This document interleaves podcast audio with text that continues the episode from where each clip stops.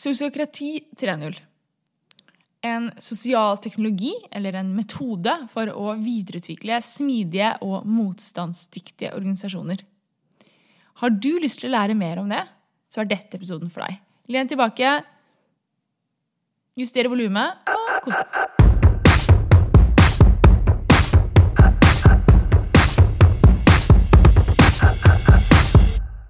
Velkommen, rebeller, utfordrere. Dere som driver oss fremover og krever mer. Dere som vil gjøre en forskjell. Skape magiske arbeidsplasser med lykkelige mennesker som skaper produkter som kunden deres elsker. Men 75% av nordmenn føler lite eller ingen engasjement i jobben sin.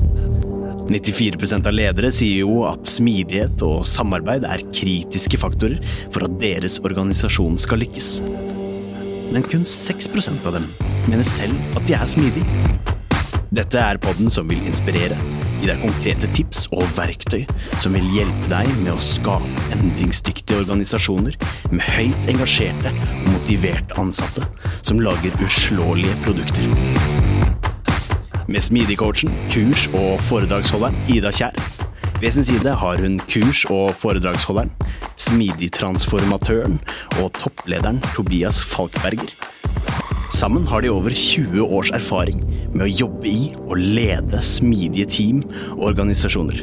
Nå kjører vi!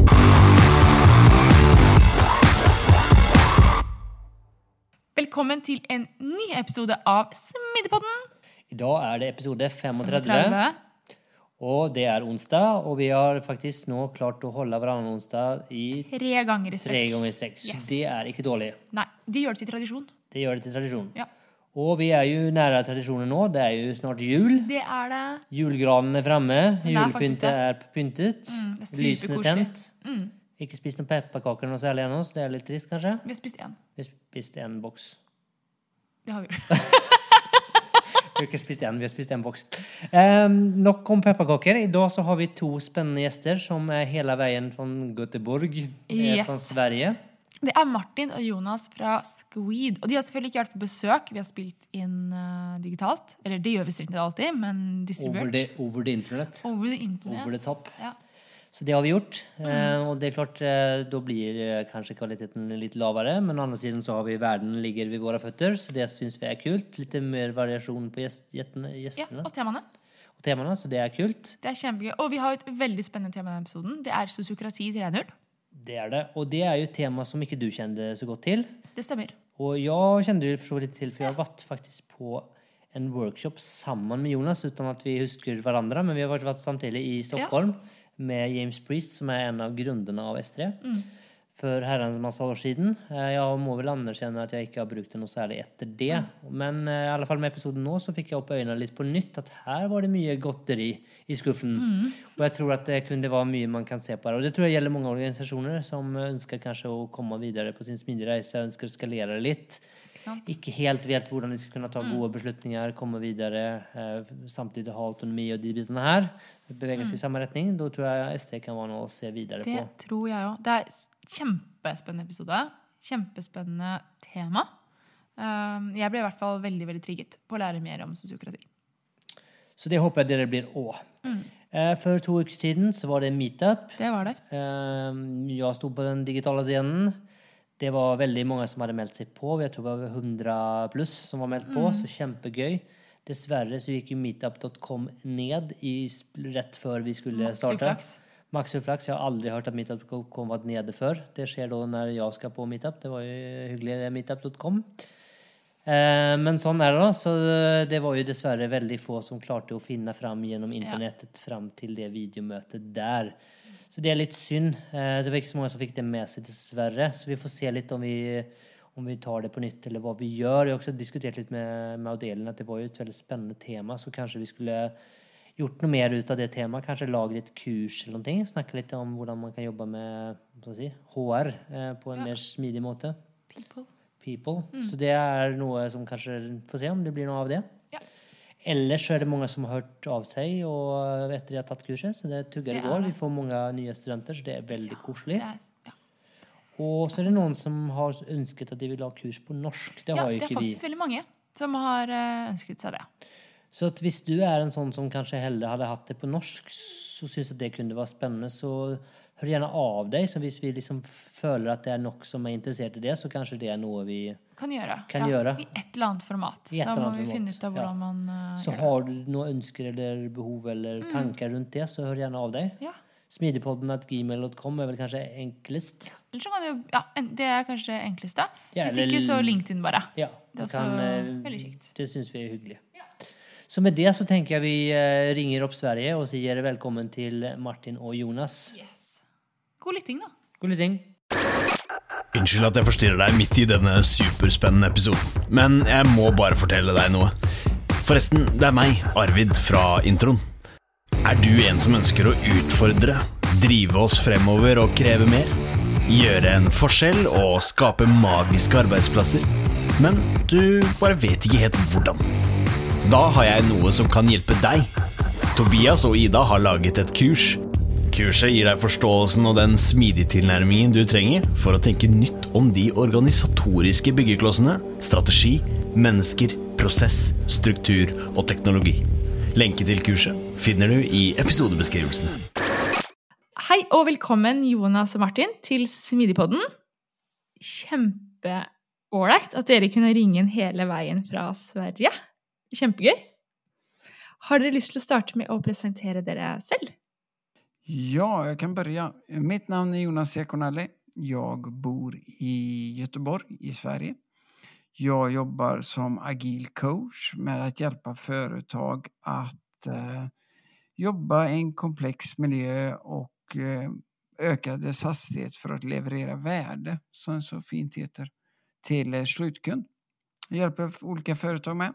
Just nu är ett stort företag här i Göteborg som jobbar med bilar.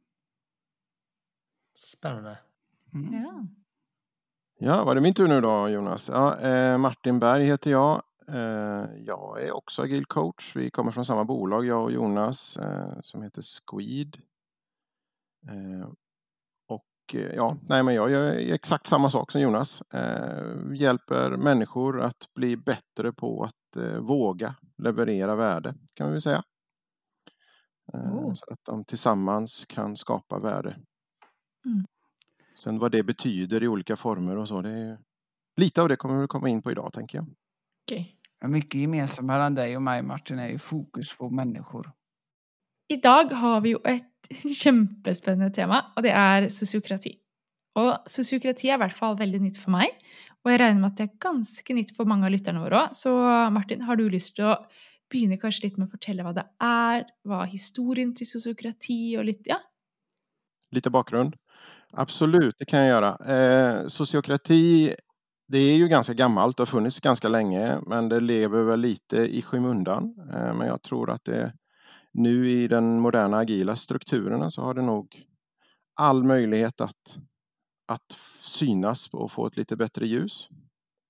Eh, bakgrunden till sociokrati är ju medbestämmande och eh, involvering så att man tillsammans kan navigera sig i en, i en komplex struktur och miljö tillsammans. Så att det är väldigt eh, fokuserat på att eh, jobba med det sociala och interaktioner. Eh, använder mycket, mycket principer i form av konsent som vi kommer att prata om lite sen. Delägande, ägandeskap, jämlikhet, empirism och, och sådana saker för att skapa en, en miljö och struktur som gör att det blir enkelt att samarbeta med varandra. Eh, bakgrunden eh, kommer ju från eh, scientific method och eh, Quaker och cybernetik, den, den del, delen av, av eh, mänsklig interaktion som man har pratat om för eh, Vi pratar tidigt 1900-tal, sent 1800-tal. Eh, sen så kanske ni har hört talas om holocracy som är en liten, ja, som man kallar det, en liten amerikansk företeelse som är en, vad ska man kalla det, en sorts eh, en, eh, en bransch.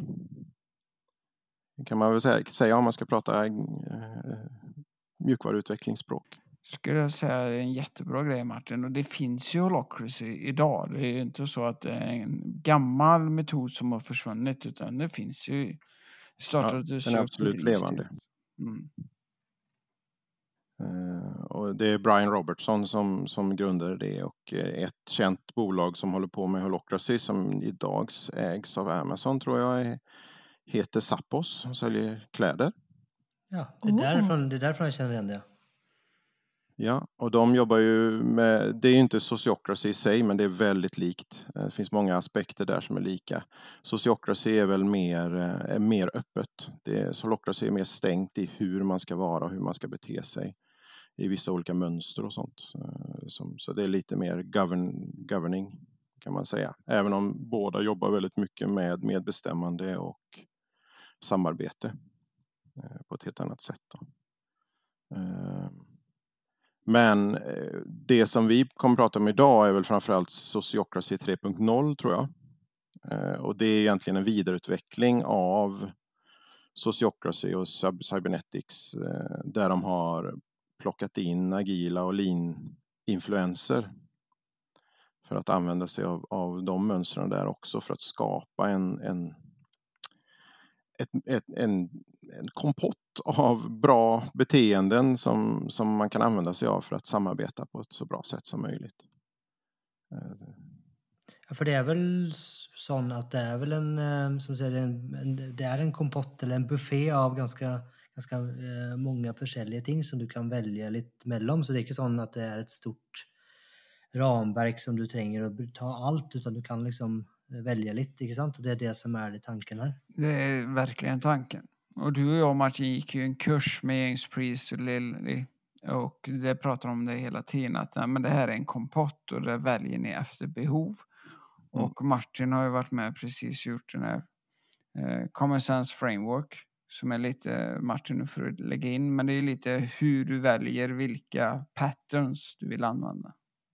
Ja, precis. Alltså man kan säga att sociocracy i sig självt är väl en, en, de kallar det för en social teknologi och en social teknologi är liksom större än ett ramverk på något sätt, utan det är ett mer ett beteendemönster och sånt som man kan ta med sig. Men vad man vill använda i den här teknologin eh, kan man ju plocka ut. Så förut kallade de S3 för ett, ett, ett framework, men det har blivit eh, större, eller man ska säga, än ett ramverk. Mm. Så, men det är ju grunderna och principerna. Däremot alla patterns som finns i den kan man ju plocka och använda så som som man behagar då. Och vad som passar för en. Så att, och det så ska man väl göra med allting egentligen. Eh, ta det som passar för mig i stunden. Har man frihet inför de patterns också till att tillpassa och bruka det som man vill? Absolut, det är klart man, eh, det här, allt det här är ju släppt under uh, Common Sense, nej vad heter det? Creative Commons, är det open Creative Common, ja precis, tack ska du ha. Det är släppt under Creative Common eh, så att man, man, kan ju modifiera och ändra om man så behagar. Eh, men eh, ja, och det gör vi ju. Inom bolaget på Squid har vi ju förändrat och modifierat några saker som, som vi använder och vi använder absolut inte alla mönster som finns. För det, det kanske tänker det är väldigt spännande för att ni och det är kanske lite grunden att vi snackar om det idag, är ju att ni faktiskt, det är inte bara något där är ute och lär ut eller snackar om, ni, ni använder det här faktiskt i Squid. Eh, och det kanske kan vara enklare att förstå lite vad det är och prata lite om vad ni gör och vad ni brukar då. Så kanske kunde det vara nästa spörsmål egentligen att gå lite in i och se liksom vad, eh, vilka delar av det är tagit och hur ser det ut. Om vi snackar till exempel beslutningar, alltså om ni har, ni ska göra något, hur, hur gör ni det och hur ser det ut i kontext av Estre. Då. Mm. Ja, men det kan vi göra. Eh, det, vi, det vi, vi gjorde när vi skapade den här, vi hade ju en kurs med, med James och Lilly då som är två av skaparna av eh, Sociocracy 3.0. Eh, och en sak som de tryckte på väldigt mycket där och som jag, jag åtminstone, jag vet inte om du känner så Jonas, har känt också, är det att det är mycket unlearning. Eh, så är det och det är ju väldigt likt vad vi säger inom agilt och lean också. Eh, mycket av det vi pratar om agilt och lean kommer in i S3 på något sätt. De ligger väldigt nära varandra, tycker jag. I sättet att hantera saker och var det ska hanteras och så vidare. Mm. Men eh, vi har, jag har nog önskat att vi hade haft det här Common Sense Framework som, är en, eh, som Jonas nämnde förut när vi hade börjat här på, på Squid och börjat införa S3 för då hade man fått lite stöd i var man ska titta först. Det är en väldigt enkel struktur där man får ett antal frågor och sen beroende på om man inte kan svara på de frågorna så, så vet man vilka mönster man skulle, som förmodligen passar bra att titta på. Om man jobbar liksom eh, inifrån och ut kan man säga. Man jobbar utifrån eh, att titta på, man börjar liksom med målbild och så. Eh, och vilka värden man ska försöka skapa tillsammans. Och sen så jobbar man sig liksom ut mot, mot de olika principerna som finns i S3. Och tar, stöd i dem. Eh, vad vi gjorde i Squid kan också vara bra att tillägga att vi är ju faktiskt lokaliserade Squid i Sverige, eh, Göteborg, Stockholm och nu även eh, i Oslo. Och vad vi har skapat där är ju en, en organisationsstruktur utifrån S3. Där vi har olika ringar som vi kallas, där man har autonoma människor eller självkörande intressegrupper kan vi kalla det.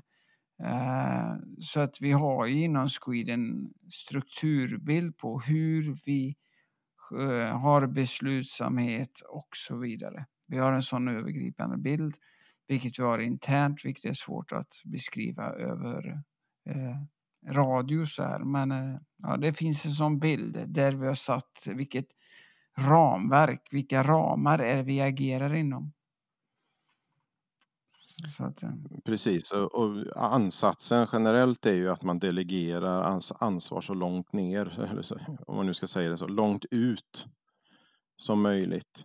Eh, så att det finns ju en delegering, en, eh, en mandatsdelegeringsaspekt i det här som man behöver ha en diskussion om tidigt. Då. Eh, och vad vi har här hos oss, det är, vi Squid kanske ska tilläggas då att Squid är ett konsultbolag. Och vi jobbar inom tech och eh, agila delar, eh, så mjukvaruutveckling och eh, agila eh, stödfunktioner som agila coacher till exempel. Eh, och vad vi har gjort är att vi har flyttat, normalt sett så kanske man kan bli en väldigt top-down styrning på ett eh, konsultbolag, kan att VD eller ja, daglig ledare heter det på norsk tror jag Mm. Eh, eh, har väldigt top-down-styrande beteenden och att eh, personer ska liksom vara ute i uppdrag och göra vissa saker och så. Men här och i Squid så har vi ju en gammal tradition att det är väldigt kompetensfokuserat och det vill vi behålla då. Att personer är engagerade och eh, vill producera bra och prestera bra eh, och dela med sig av den kunskapen internt. Då. Så Squid har alltid lagt väldigt mycket tid på kompetensutveckling. Eh, och det vill vi behålla och det, för att kunna göra det så har vi liksom skapat en organisation där kompetensen sitter i första rummet. Självklart måste vi ha en ekonomisk tillväxt och så, men, men vi, det viktiga för att vi ska kunna göra det är att vi ska premiera de som jobbar på Squid att, att tillskansa sig kunskap då, inom sitt område eller nya områden som vi kan anse är konkurrenskraftiga. Eh, så vi har ett antal olika, det heter ju inne i Sociocracy så heter det väl mm, cirklar. Istället för att kalla det mm. fyrkanter antar jag. I hierarkiska strukturer så kallar man det cirklar. Och en cirklar är en grupp av människor som, som sitter tillsammans och har en roll där. Man kan sitta i flera olika cirklar och ha olika roller. Så man, det är inte som en klassisk hierarkisk struktur där man, där man bara finns på ett ställe och sen blir man typ utlånad till ett annat för att man har en kompetens eller så, utan man kan röra sig fritt här i. Då. Och vi har ett antal fasta sådana cirklar, till exempel Agile då, mm, som är våran och sen har vi några andra som är eh, Academy och Technology och så vidare. Och i dem så sitter det personer som, som kan ta beslut inom de grupperna. Sen så har vi inom personalvård och kompetensutveckling då, så har vi ytterligare cirklar. Man sitter, och jag tillhör ju till exempel en cirkel som heter Dirty Pink. Eh, där vi tillsammans eh, sitter och jobbar med saker som, som har med personal och kompetensutveckling att göra, onboarding. Och det är ett ut, en utvald grupp som, som sitter och jobbar där tillsammans. Eh, och alla människor på Squid tillhör någon av de cirklarna. Då.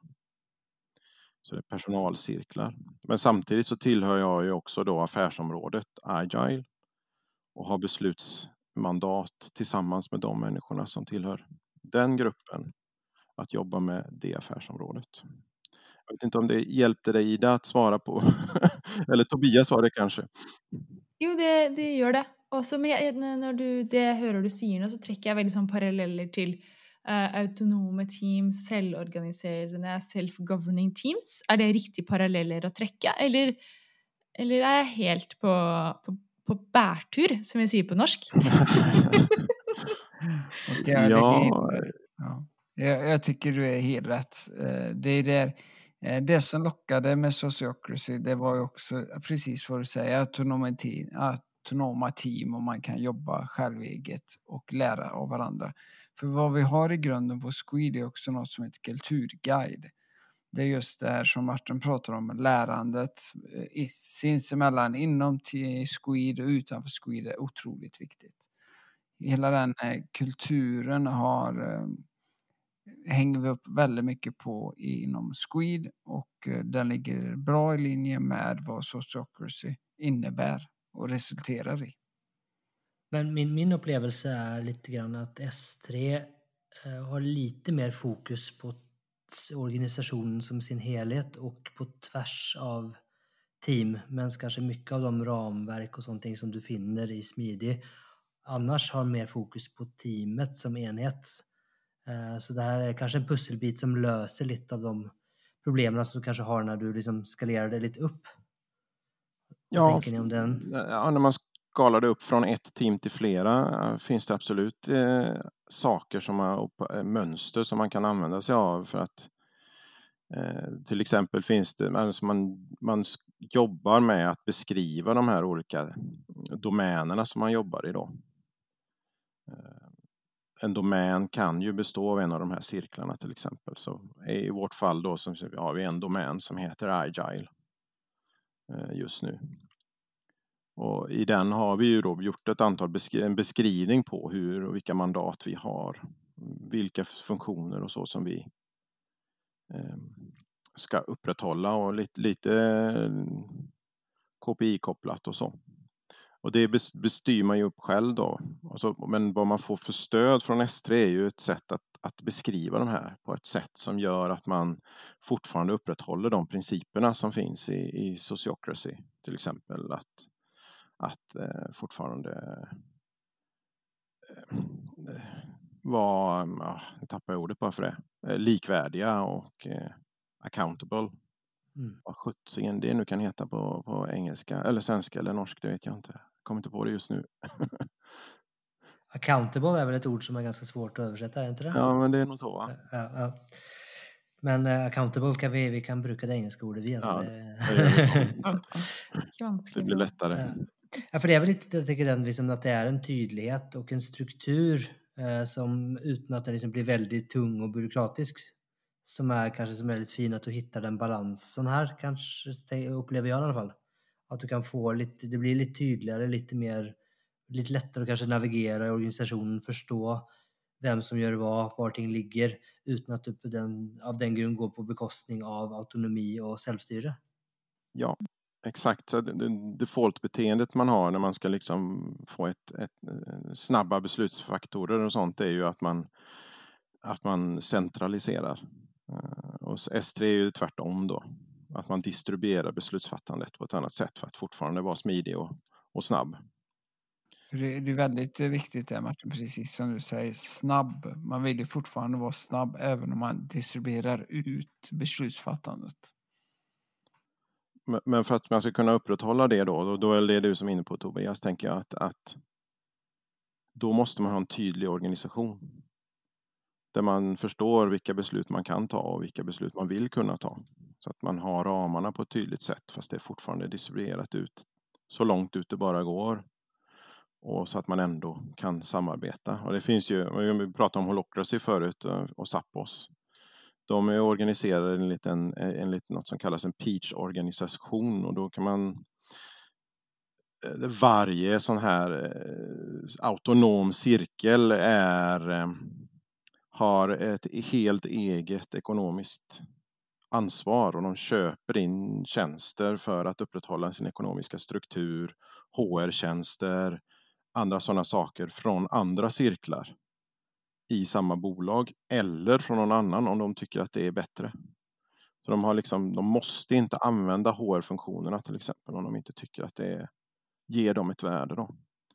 Men de måste upprätthålla sig runt en budget som, som finns. Eh, eller en budgetstruktur som, som de måste liksom rapportera utifrån. Då. Och det är väl egentligen det enda styrande organet mm. mellan alla de här cirklarna. Då. Så konkurrent, eh, konkurrentutsatt eh, interntjänster är ju ganska intressant sätt att lösa det på. Ja. Mm. Och det skapar ju andra typer av friktion såklart. Eh, och mycket, mycket ovana och så. Och det har vi också märkt inom Squida såklart att det, det är ju inte, det är inte en dans på rosor hela tiden och, och lära sig någonting. Alltså för man är ju, även vi agila coacher och ju, som jobbar med det här dagligdags tycker att det är lite krångligt att lära, avlära sig vissa beteenden till exempel.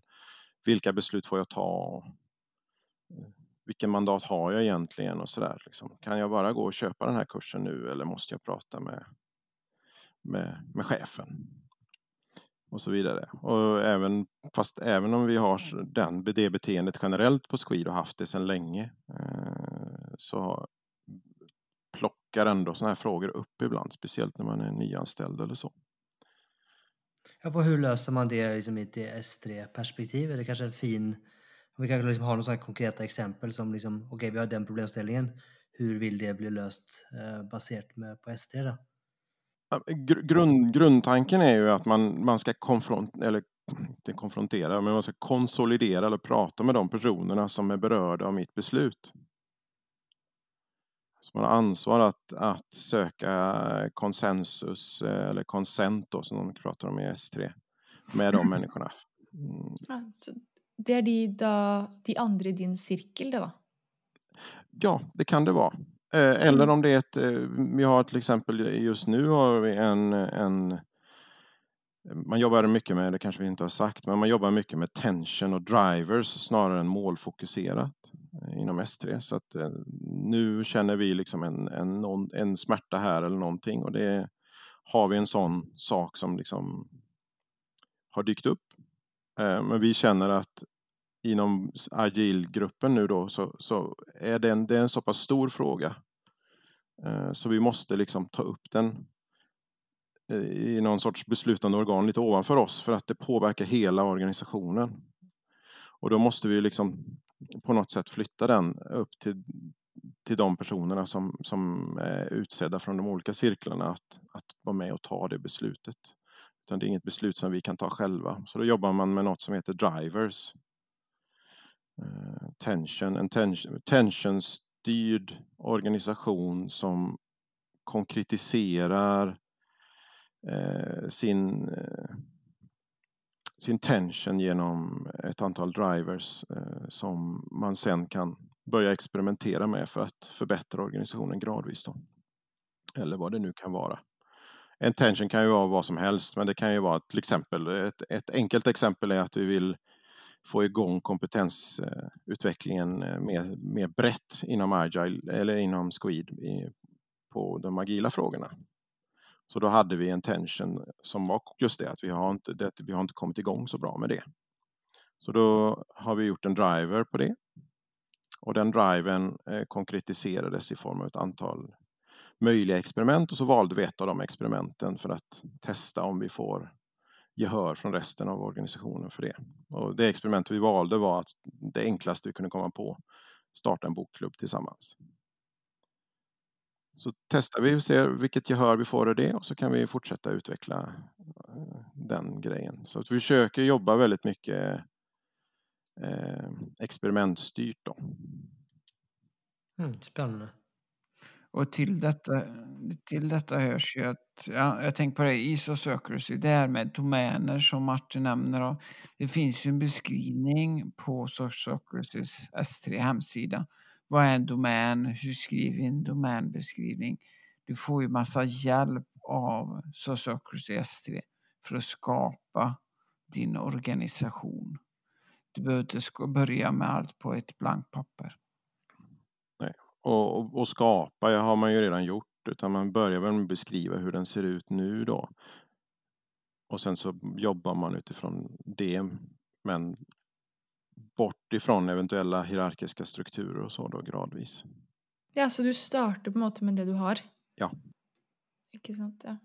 Men jag tänkte på det du sa med att um, ehm, om man skulle lyfta en beslutning um, innad i, uh, i Squid, eller i organisasjonen, så Eh, var det de som var nominert av hver sirkel, som skulle gjøre det. Så har dere mm, en ledergruppe i midten, eller er det da Hvordan liksom, setter dere retning for selskapet som en helhet i liksom, ja.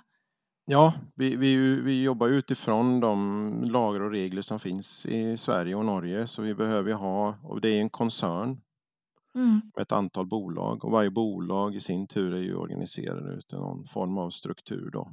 Så det finns ju några lagar och regler vi måste förhålla oss till. Eh, men vad vi har gjort är ju att ehm, ja, vi har ju ett ägare och styrelse, det måste vi ha. Eh, men eh, koncernen styrs utifrån en, det är också en cirkel. Eh, så koncernen har en, en cirkel med representanter från andra cirklar som tar beslut. Då. Eh, och daglig ledare från respektive plats är, är representanter i den koncerncirkeln. Då. Mm. Eh, och lite andra personer som personalansvarig och lite sånt. Och rekrytering.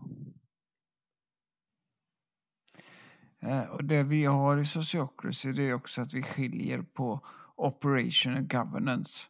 Eh, alltså operations har mycket, cirklarna kan jobba med sina egna beslut men det är governance som kan påverka företaget i en riktning för framtiden, ja men då har vi en governance board i Sociocracy. Mm. Så man är väldigt be, vad säger, bevisst på, jag säga på svenska, men man är väldigt medveten eh, om vad det är för typ beslutning man tar eller ska ta.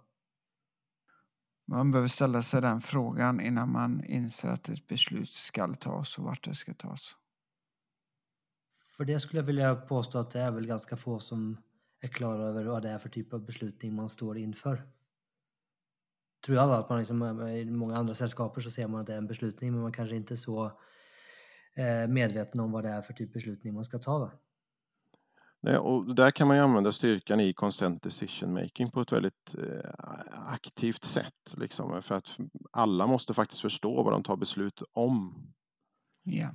Man måste ju gå med på det här eller förstå vad det är åtminstone. Man kanske inte alltid håller med om exakt vad det är man ta beslut om. Men jag ser inget problem med att vi tar det här beslutet. Och det är väl kärnan i consent, consent decision making. Men för att kunna göra det så måste man ju också ransaka sig själv. Har jag förstått eh, vad är det vi ska ta beslut om? Och har man inte förstått det så får man ju ställa frågor tills man kommer få saker. Och det är ju väldigt effektivt eh, i det långa loppet. Det känns kanske väldigt långsamt precis under tiden man ställer de här jobbiga frågorna till varandra. Vad, vad är, vad, vad är, vi säger att vi jobbar med eh, ett beslut för att göra någonting. Så kanske man liksom tillsammans måste diskutera det en liten stund för att förstå innan man kan ta beslutet. Eh, men när man blir mer effektiv och, och mer van vid att göra på det sättet eh, så blir det automatiskt. Men man är ju väldigt ovan vid det. Oftast tar man ju en ja, nu kommer jag inte på något eh, bra svenskt ord, men gut reaction. Alltså man gör bara det mm, som mm, känns. Det som, ja, magkänslan. Man gör det som känns rätt istället för att prata om, om, om det och diskutera det. Mm. Och risken är att man, vissa människor blir tystade då. då. Så att de som har störst mage vinner. Men eh, det, du snak, eller det vi snakker om, er veldig spennende. fordi når jeg prøvde å når jeg satt, prøvde å lese litt og sette meg inn i sosiokrati, så, så var det dette her som sto som en av liksom, din, eh, nøkkelpillarsene, var jo dette med konsentbasert beslutningstakning. Og så tenker jeg eh, at det er jo veldig fort at det kanskje kan gli over i type konsensusbasert. Så at alle skal på en måte eh, Du tar så mange runder da, at det blir liksom nesten ikke noe av noen ting, på en måte. Ja. Eh, har dere noen tanker om det? Liksom, hvordan unngår man eh, en sånn situasjon? Da? Sikkert mange som kjenner seg igjen i det.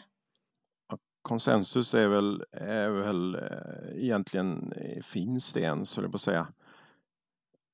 Det är väl mest uttröttning känner jag.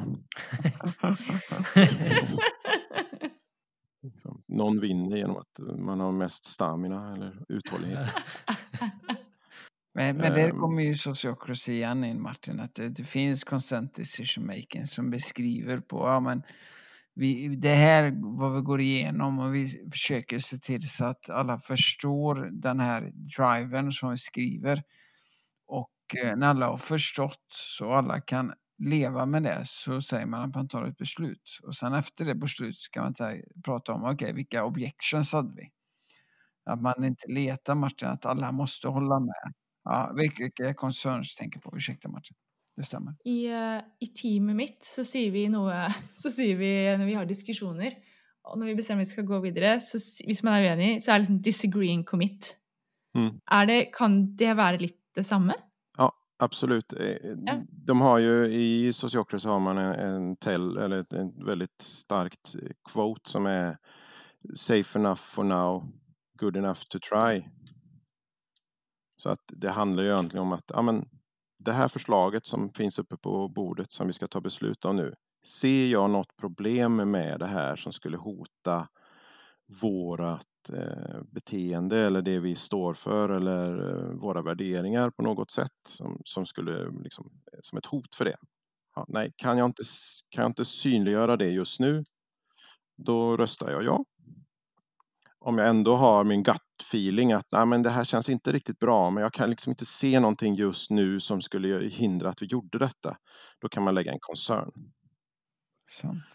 Och, och den en koncern är egentligen bara liksom, ja men, ah, det känns inte riktigt bra men jag vet inte varför.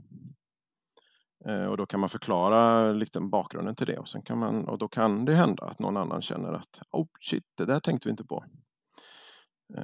Mm. men förmodligen inte utan då har man ju redan tagit ett beslut och då testar man det. Och då försöker man ju göra besluten så små som möjligt så att det inte är farligt att misslyckas. Då. Ikke sant? Och det här är ju någonting Martin som jag tycker jag som agil coach tar med mig in i olika företag när vi ska ta beslut. För, för då, det känns tryggare att ta ett eh, beslut på det här sättet än att vi ska diskutera det i månader och alla ska hålla med. Ja. Eh, här på något sätt håller alla med om att vi ska gå vidare. Eh, vi behöver inte diskutera allting i långbänk. Ja, men gott, nog, gott nog för att prova. Liksom. Säkert Mm. nog. Ja. Og så tror jeg nøkkelen det dere også sier, er å gjøre beslutningene så små som mulig. Mm. Da er det, ja, da er den terskelen mye lavere også. Ja. Mm. Och em- empirism eh, är ju en, också en väldigt en stark kärna i, i eh, sociocracy, att man ska jobba med empiriskt. Eh, Det vill säga att man gör små experiment där man tror, så man vet att man där man har, där man har en tydlig bild över ja, men det här tror vi ska hända. Och sen så gör man en utvärdering på om det har hänt eller inte. Då.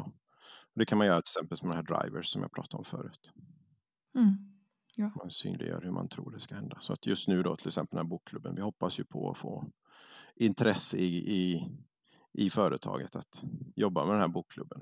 Mm, Så får vi göra en utvärdering på det. Och så får vi se, vad gjorde vi för fel? Hur kan vi nå fler personer? Och det skulle jag vilja säga till alla som lyssnar. Det finns många patterns i S3 som du kan läsa om och ta med dig in i organisationer utan att de jobbar med sociocracy. Man kan få hjälp av de patterns som finns i S3. typ decision making som vi pratar om här. Det kan du göra vare sig vilken hierarki eller vad du har i ditt företag. Mm.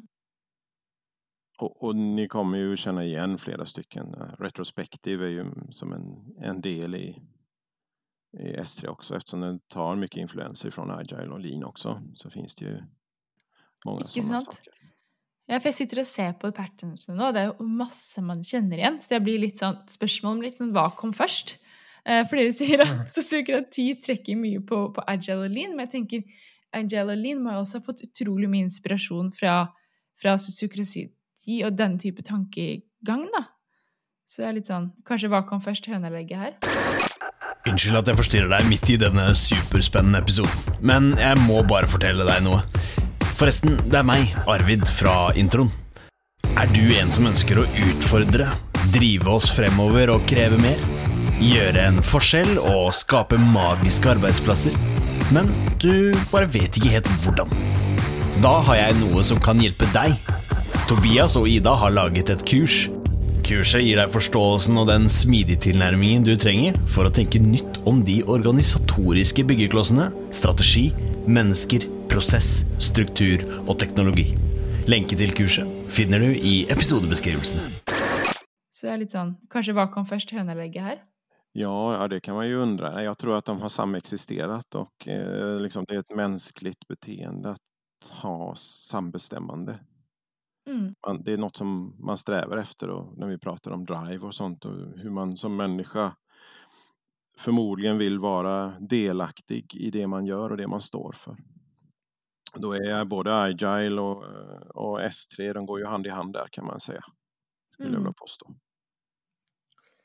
Vi hade ju en liten eh, samtal före vi, vi startade och det var ju liksom eh, framväxten av Safe och liksom önske att kunna skalera Agile. Eh, och där är liksom lite tanke att kunde liksom eh, S3 varit en alternativ lösning till Safe och kunde det hjälpa att fylla de hålrummen som du kanske har eh, efter att ha fått på, på plats välfungerande team men du kanske behöver lite mer struktur och lite mer liksom, system för att ta beslutningar, för att delegera mandat, för att få en, en tydlighet och en förståelse ut i organisationen. Kunde liksom S3 kanske varit ett alternativ till Safe? Eller andre sånne store verk också? Kan väl vara tillräckligt. min kunskap. Jag är något som heter SPC och jag håller kurser i SAFE och jag har också gått LESS och läst på om Nexus, det är hur vi skalar vår agila mjukvara egentligen och vissa även går utanför mjukvara om man frågar mig.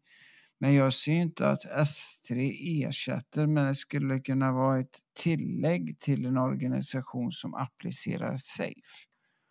Eh, till exempel, eller eh, Nexus eller LESS. För det här, S3 har väldigt mycket fokus på organisationer. När jag pratar om eh, SAFE som kurs så är det mycket fokus på värdet. Hur levererar vi? Som SAFE, nu pratar jag mycket business agility. Det, det är inte samma sak som sociocracy. Jag anser, men det kan vara ett bra komplement. Men jag, tror, eller jag är helt övertygad om att de inte ersätter varandra. Eller vad säger du Martin? Ja, det, det beror ju lite på vad man har för perspektiv tänker jag. Ja, Business agility är ju, med, är fokus på värdeleverans medan S3 kanske är mer mänskligt fokuserat. Ehm, och vilket ska komma först egentligen? Eh, Det kan man ju undra då. Eh, Det är ju väldigt mycket på, sen senaste åren har det varit väldigt mycket fokus på business agility. Eh, Men ska det vara en grund i vad vi gör och vad vi står för? kan man ju fundera på. Mm. Eh, Är det viktigaste att leverera värde eller är det viktigaste att människor i organisationen mår bra så att de kan leverera värde? Och jag skulle påstå att S3 har starkare fokus på det mänskliga värdet. Eh, Och Safe kanske Ehm, kommer utifrån en, en, en någon mix av gammalt och nytt. Skulle jag vilja påstå. Mm. Ja, det var där, det jag är väl enig i din reflektion där Martin. Och att det jag tänkte också var att eh, nå med SD, att det är liksom lite mer, även om det är väldigt fokus på mänsken, eh, människorna så har det liksom li, likaväl någon form av liksom struktur eh, som kan vara kanske för en mer traditionell ledare eller chef som kanske kan känna att ja, men här så här vet jag var ansvaret ligger, jag vet hur vi tar beslutningar. Det är kanske en del som gör att det en sån smidig eller agil transformation kanske blir lite lättare för att det finns liksom någon, någon strukturer som man kanske har behov för. Då. Ja, jag tror att i S3 så finns det risk att man, att man eller vad säger jag, inom Safe så finns det, finns risk att man bara tar det gamla och, och smetar ut det på, på Safe. Eh, och så får man, behåller man samma organisation som man hade innan och man får inte det där goda samtalet som man behöver ha för att se vad skillnaden är och då får man bara en, en sminkad gris. Eh, jag tror inte risken att få det med S3 är lika stor. Mm. mm. Däremot så finns det säkert stor risk att man kan få intressekonflikter och, och så. För man har, om man har, ska applicera det på en gammal organisation som har gamla mönster och beteenden så kommer ju, alltså vi brukar, man brukar prata om att agile synliggör eh, bad habits och, och, dåliga beteenden och dåliga mönster och sånt. Eh, S3 är nog ännu bättre på att göra det, skulle jag vilja påstå. Mm. Eftersom man vänder på kakan. Jag tror med. Och det är därför jag säger att de är nog snarare ett komplement till varandra i sådana fall. Det är inte så att de är konkurrerar om samma sak. Jag, jag skulle tycka det var väldigt intressant att försöka använda S3-patten tillsammans med, med Safe. För att se vad man får, för att det finns ju bra saker i Safe. Alltså, Safe är ju i princip en Wikipedia eh, inom Agile. Man kan använda det så i alla fall. Mm.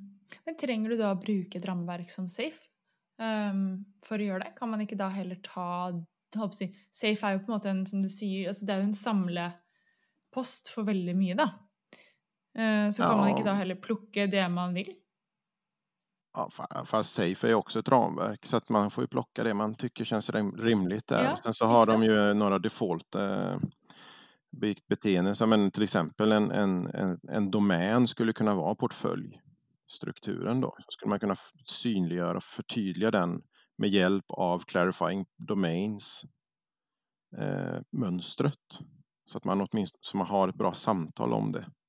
Så då kan man använda det mönstret som finns inom S3 clarifying domains för att förstå vad en portfölj är och vilka domäner som finns där i eller synliggöra och förstå mer hur S3 ska, eller Safe ska funka. För jag tror att man oftast bara diskuterar det i små rum eh, kanske eh, när man ska applicera eller implementera SAFE. Eh, jag tror att man med S3 kan få en, en, bredare och större diskussion om det.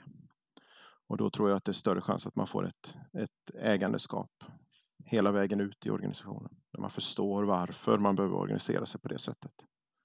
Jag tror att det är väldigt vanligt inom, inom SAFE-organisationer för att i alla fall de större, att det är svårt att förstå varför ska, vi se, varför ska det vara så här? Vi har ju alltid gjort det här. Nu ska vi helt plötsligt vara organiserade med tågstrukturer och sånt. I alla fall är det det jag ser inom, mm. inom de eh, företag som jag har varit med i, i en S3-resa. Nu, nu, gjorde, nu gjorde Jonas ett, ett ja. en SD-pattern här som, med fingrarna. Vick, vickade lite med, med, med pekfingret. Det betyder jag håller med och S3 ah. Vilket är väldigt är praktiskt. Hemligspråk. Mm. Det är väldigt praktiskt, både när man sitter remote så här, för då kan man ju, fingergester är ju väldigt praktiskt när man sitter remote om man har kameran på, för då kan, så stör man ju inte mikrofonen. Men det är också väldigt bra när man har en consent decision making situation till exempel, eller någon pratar om någonting, där man bara sitter och viftar lite med, med sitt pekfinger, så ser någon annan. Det är mycket lättare att se än någon som nickar. Ikke sant, ja. Mm. Fordi av um, Nå er jo ikke lytterne våre på video. Det som Jonas da gjorde, var at han løftet sin hånd, så tok han pekefingeren og tok han den litt sånn opp og ned eh, foran kamera, som betyr at du da er enig. Det er veldig morsomt. Väldigt bra. Eh, tiden eh, löper från oss när vi har... Eh, när, när det är vi har, Ja, gøy. Eh, så jag tänker vi ska liksom börja och runda av lite. Men bara sån, mm. om man har lust att liksom komma igång med S3 och liksom har lust att Ja. se på det. Man tror att det här kanske kunde vara någonting för, för mitt, eh, mitt företag. Vad, har ni några tips, några sluttips? Liksom, vad, vad gör vi? Vad, vad ser man? Vad, vad startar man? Ja, Sociocracys eh, hemsida, sociocracy30.org om man pratar engelska. Så där finns ju allt. Eh, och jag skulle föreslå att man börjar med Common Sense Framework som finns en bit ner på den sidan och kika lite på vad som finns där. Eh, sen så tycker jag att det är väldigt viktigt att man tittar på principerna som finns inom S3 kan, känner jag att, de, att jag kan förlika mig för, med dem, att jag tycker att de är värdefulla och är, är viktiga principer, då tror jag att Sociocracy är för dig. För att alla mönster som finns där i, de är gjorda för att du ska kunna upprätthålla de här principerna på ett bra sätt. Mm. Jonas, vill du säga något Jag kan säga lite vad vi gjorde på Squid. Jag gick en kurs med James och kände så här för säkert 6-7 år sedan bara fasen det här är någonting som jag gillar jättemycket och ligger i linje med det agila sättet att arbeta. Och eh, sen efter att ha gått den kursen så la jag ner massa tid på att läsa på och sen sa jag till alla andra som var i vårt företag att det här borde vi titta på allihopa. För det här är intressant. Sen gick vi i kurs då med James eh, i Göteborg. Ja. Vi var nog 14 pers.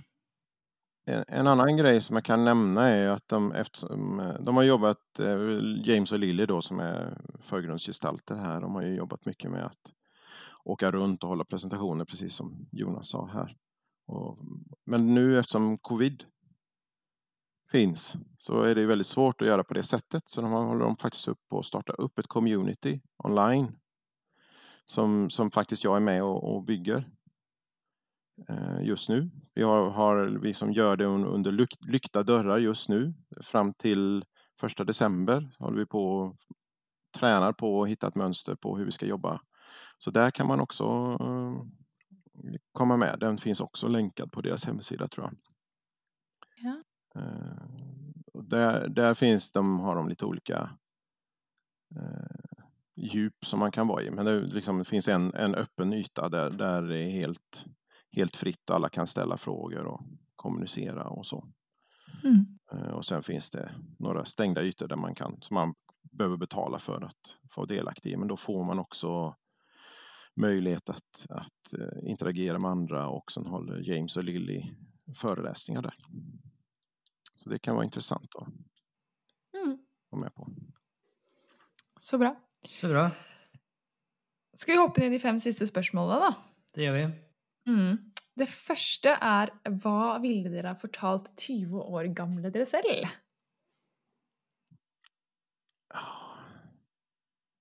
Och jag vill berätta för mig när jag är 20 år äldre. Då är jag pensionär förmodligen. Så jag vill nog... Eller nej, när jag var 20 år gammal. Jaha, just det. Jag tolkade norskan fel här, förlåt. Det går bra. Og sa ingenting. Jag tänkte, ja, let's go with it, tänkte. Ja, det kan vara en intressant eh, spörsmål det också. Eh, kanske.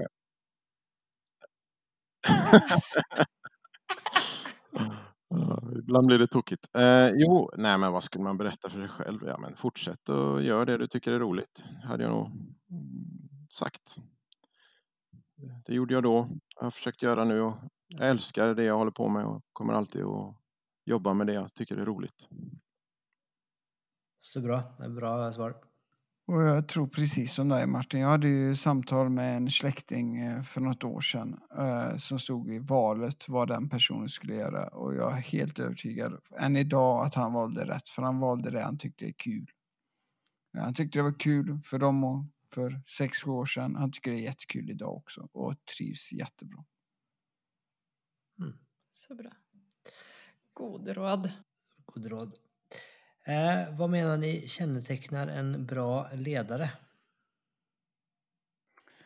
Eh, om man börjar med mig så var jag, om man skulle välja en grej så är det se människor. Eh, skulle du leda människor så måste du känna dig själv men framförallt se dem du arbetar med och förstå den miljön som du arbetar i. Mm. Ja, jag sitter här och viftar med mitt pekfinger. eh, för Jag håller med. Eh, men det ser ju inte ni i podcasten såklart. Eh, men ja, nej men håll på. Liksom, lyssna. Lyssna på dina, dina medarbetare. De, de som du ska hjälpa. Väldigt, väldigt bra. Okej Ida, ska du pröva att ta nästa på svenska då? Skal jeg prøve på svensk? Ja. Sist jeg snakket svensk, så var det jo, hadde jeg eh, en takk for maten-tale i et svensk-norsk bryllup, hvor jeg, jeg snakket da både svensk og norsk. Eh, Det var, det, var, det, var, det var bra det var på slutten av middagen. Da syntes folk det var veldig gøy. Mm. Så hvis vi sier det Nei, men jeg vet ikke. Hva er tips på svensk? Tips är tips. Tips er tips. Hva vil ni säga om ni ønsker å etablere en mer Er det mer? Mer smidig Smidig? Smidig kultur? Agil säger vi på svenska. Agil sier man det på svensk, ja. Ja. ja. Hva vil ni gi som tips om, ni ønsk nei, om noen ønsker å etablere en mer agil kultur? Ja. Var det godt nok? Det är Gott gott nog. nog. to forsøk. Först och främst, det har varit roligt. Jag hade hellre sett att vi kallade det smidig på svenska också. ja, er ikke det fint? Det är mycket bättre ord. Ja. Vi har jo snakket mye om det i hele episoden, egentlig, men dere visste en liten oppsummering? Eller noe dere vil til, legge til? Jag, jag tror just vad vi har på Squid tror jag är jättebra som jag faktiskt inte var med och skapade utan den fanns när jag kom dit men det var just Kulturguiden. Mm. Innan man eh, börjar med eh, olika ramverk och grejer, sätt kulturen som företaget ska leva efter för att, för att det ska bli en smidig, agil kultur. Jag Tror ska jag tillägga då att den här kulturguiden är ju skapad av de som jobbar där tillsammans. Så Mm. det är inte någon som har suttit vid sidan av och sagt så här ska vår kultur vara, utan de som var i bolaget när de ville skriva den här kulturguiden, alla de var inblandade och skapade den här tillsammans. Sen har ju självklart någon sammanställt den åt dem, såklart. Men eh, alla har bidragit till den. Nej, men, men tips är ju, för mig så är liksom man vill börja med att skapa någonting som är en smidig kultur så är consent decision making är fruktansvärt effektivt. Om man lyckas bli bra på att facilitera consent decision making så, så kommer du att få väldigt mycket på köpet. Så att jag skulle börja med det. Spännande. Ja, nej, men det är beslutningar där. Eh, det är svårt, speciellt när du ska liksom, det blir, eh, ja, det är bra att börja där. Där får du ju hjälp av STR så det är ju väldigt Mm. om tema också. Mm. Har ni några eh, böcker eller podcast eller någonting annat eh, som ni önskar att rekommendera lyssnarna till och om man vill höra mer om tema eller någonting annat? Det kan få lov att vara en skönlitterär bok också för så vitt. Jag vet inte om jag kan rekommendera den. Jo, men det kan jag. jag kan rekommendera, men jag har inte läst klart den än. Eh, men eh, Kenevin-modellen, Kenevin Framework, eh, kanske ni har hört talas om.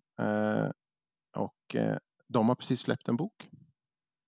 De firar sin, Kenevin är 21 år gammalt den här månaden. Så, så för att fira det så släppte de en bok. Dels där grundförfattaren Dave Snowden gick, går igenom de olika empiriska och eh, iterativa förbättringarna man har gjort. Till skillnad från många andra ramverk så är den ju föränderlig. Eh, vilket är intressant. Och det är ju, om man inte har hört talas om Knevin så handlar det om hur man navigerar sig i komplexitet kan man säga. Och så att man förstår. Ett sense making framework kallar de det. Och sen så finns det massvis med berättelser från flera olika delar av världen i hur människor har tolkat och använt detta. Så det är liksom flera olika människor som har använt det på massvis med olika sätt. Inte bara inom software development eller mjukvaruutveckling utan massvis med andra olika saker. Så att det är väldigt intressant. Den skulle jag rekommendera. Och jag håller på att läsa den för fullt just nu. Eh, Du har en som både ris och rosad bok som jag tyckte var otroligt fascinerande som heter Reventing Organization med Lux. Som pratar om att det finns mycket företag runt om i världen som är strukturerat på ett annat sätt än de top-down eh, som vi har mycket i Sverige. Eh, det ger en liten inspiration på att man kan göra saker annorlunda. Den tyckte jag var intressant att läsa. Ja, där är det ju väldigt, för det som är intressant där tycker jag är att det är väldigt, inte, väldigt olika sällskap som är, eh, som ing, ingen av dem nästan tror jag, eh, är väl med mjukvara utan det är ju egentligen helt andra typer av sällskap som, som man kanske inte tänker på som, som gör det på ett ganska annorlunda sätt som, som fungerar väldigt bra. Så är det. Gud, Ida, ska du pröva dig på eh, svensk en sista gång? Mm, åh, det är så pressure. Eh, om, om man önskar komma i kontakt med er, vad gör man då? Det är bra. Det var väldigt bra. Ja, nej, men det enklaste är väl att försöka hitta oss på LinkedIn skulle jag tro. Eh, Martin Berg eh, heter jag. Och Jonas Jaconelli, och man borde kunna skriva squid på LinkedIn så hittar man oss Ja. också Martin. Ja, blir lite S- lättare. S-Q-U-E-D. Mm. Vi linker dette opp i episodebeskrivelsen. Så kan man bara klicka sig in, ikke sant? Ja, och vi, och vi länkar till de böckerna också så att eh, så visst Mm. man eh, inte kommer ihåg vad de hette så, så är det bara att klicka på länken. Mm. Och med det så tänker jag att vi säger tack så hemskt mycket för att ni har lust att snacka med oss på en fredag eftermiddag. Mm. Det är inte Tusen dåligt. tack. Tusen tack. Kjempespennende. Tackar själva. Tackar själva, det var bara kul. Så med det så tänker jag vi säger ha det bra och hej då. Ha det bra. Hej. Hej då! Tusen takk for at du lyttet på denne episoden av Smidpodden. Dersom du likte det du hørte, så abonner på Smidpodden, da vel. Da får du masse mer av denne type innhold i fremtiden. Dersom du har lyst til å støtte Smidpodden fremover, så gå gjerne inn på linken under og eh, ta kurset vårt. Du kan også så klart bruke noen av linkene under til bøkene som gjestene våre anbefaler. Det er affiliate links, og det betyr at Smidepodden får ei lita krone når du kjøper en bok, men du betaler så klart ikke en krone mer når du handler. Så med det så ønsker jeg deg en fortsatt fantastisk dag eller kveld, hvor enn det er du befinner deg i denne store, vide, vakre verden. Ha det bra!